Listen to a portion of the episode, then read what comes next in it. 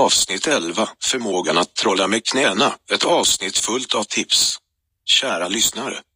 Tro det eller ej, men det här är Rosa Maria Hedberg. Varmt välkommen till ännu ett avsnitt av Konstnärsvardag, en podcast varje dag om hur det ter sig för mig att vara konstnär. För dagen har det sista av min röst, som någon kanske hörde i gårdagens podcast, nu försvunnit helt. Naturligtvis finns det inte på kartan att ställa in ett program så jag bestämde mig för att lägga in min digitala kompis Erik för att berätta vad jag ville ha sagt.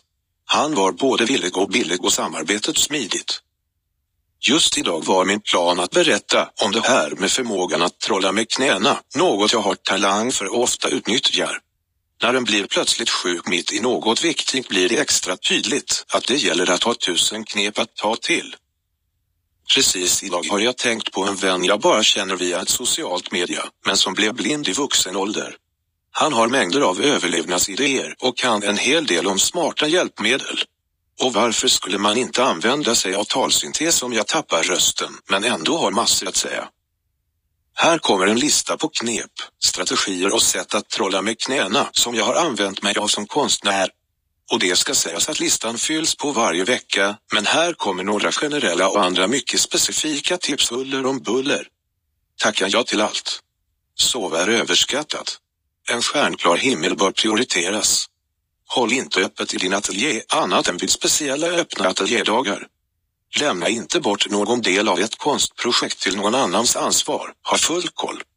Skicka aldrig en konstfrakt till kund annat än med konstfraktare. Släng aldrig material om du har någonstans att bunkra upp dem. Skissa lika ofta som du borstar tänderna. Ät mycket ingefära hela tiden. Går att tugga eller använda som snus. Ha alltid pass och tandborst i handväskan. Det är du som bestämmer ditt arbetsfält, inte omständigheterna. Gör inte tråkiga projekt, det har du inte tid med. Allt är möjligt, du måste bara kunna räkna ut hur. Gör omöjliga projekt hela tiden så ser du att det alltid löser sig. Om ett konstprojekt går åt skogen så mörkar du, gå vidare, tänk på det senare. Ha alltid ficklampa, dammsugare, vingelslip och ansiktsmask till hands i ugnsrummet. Om du inte är en fena på att plugga in alla i den stora konstvärlden så finns de alltid kvar att träna på imorgon också. Lek med tanken. Lek med tiden. Tänj tiden. Låt ingen köpa dina glasyrprover, någonsin. Följ din egen känsla och gör dina egna projekt, hur knasiga och för omöjliga de än verkar i början. Jobba med konstprojekt som är allt från hyperpretentiösa till larvigt banala. Genomför allt. Ändra dig ofta.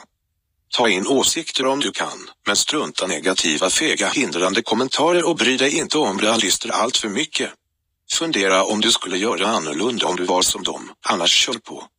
Tacka aldrig nej till lite kaffe. Ge dig ut på äventyr, tunna isar och långa resor. Skriv om det du skapar och tänker. Andra konstnärer är bra, men du är du. Låt inga deadlines sätta upp dig inifrån. Gör om dem till livslinjer eller låt dem vara helt. Låt inte mingel bli ett egen syfte. Viktigt folk kommer att söka upp dig ändå, om du syns. Gör tusen saker i taget. Att ha hund eller katt hjälper. Om du skadar dig, gå till läkare direkt. Det är pinsamt om du snubblat i egen grupp, fastnat i en ratt eller bränt fotsulorna när du arbetat barfota med smält glas, men det är värre att gå två veckor senare när det blivit riktigt illa. Träffa andra konstnärer som du gillar så ofta du kan klämma in det, särskilt om du bor långt bort från smältdeglarna. Använd aldrig plastkanter om du ritar med smält glas. Du är en i den större konstvärlden. Din konst spelar roll. Ring inte brandkåren i förebyggande syfte om du ska bränna reducerande bränningar. Chocka polisen med konstiga tillståndssökningar och knalla in på stationen och lägg ut texten om varför det är viktigt att göra just detta konstprojekt mitt i det offentliga rummet. Du kan slutföra saker nu eller vänta några år tills allt satt sig. Förringa inte vikten av att tiden kanske måste få flyga innan ditt verk gör det. Du är alltid ansvarig för dina verk. Tänk längre än din korta näsa. Ta del av kurser och fortbildningar som erbjuds lokalt, nationellt och internationellt. Försäkring är ett måste. Använd hatt, sugrör, hopprep och sugrör. Ingen vet exakt hur du tänkt ditt verk, blir det fel så är det din tanke som måste hänga med runt till en annan vy av verket. Skita inte ner världen med dålig konst. Håll verkshöjd och ambitionsnivå. Gör något för klotet och framtiden i dina projekt. Inget är viktigare. Slutligen, allt går alltid åt skogen, det gäller alla konstprojekt. Du måste lära dig trolla med knäna, hitta sista minuten tvärkast om inte annat ha tummen i de högre makterna. Någon gång åker du ändå på att allt tycks helt omöjligt. Det är det inte.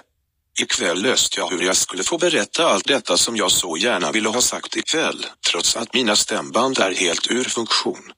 Imorgon kommer något nytt problem. Jag är dock sjukskriven och ska försöka ligga stilla i sängen en dag till att kurera mig. Det är nog det svåraste av allt. Hur gör man? Tack för att du lyssnat. Erik på uppdrag av Åsa Maria Hedberg.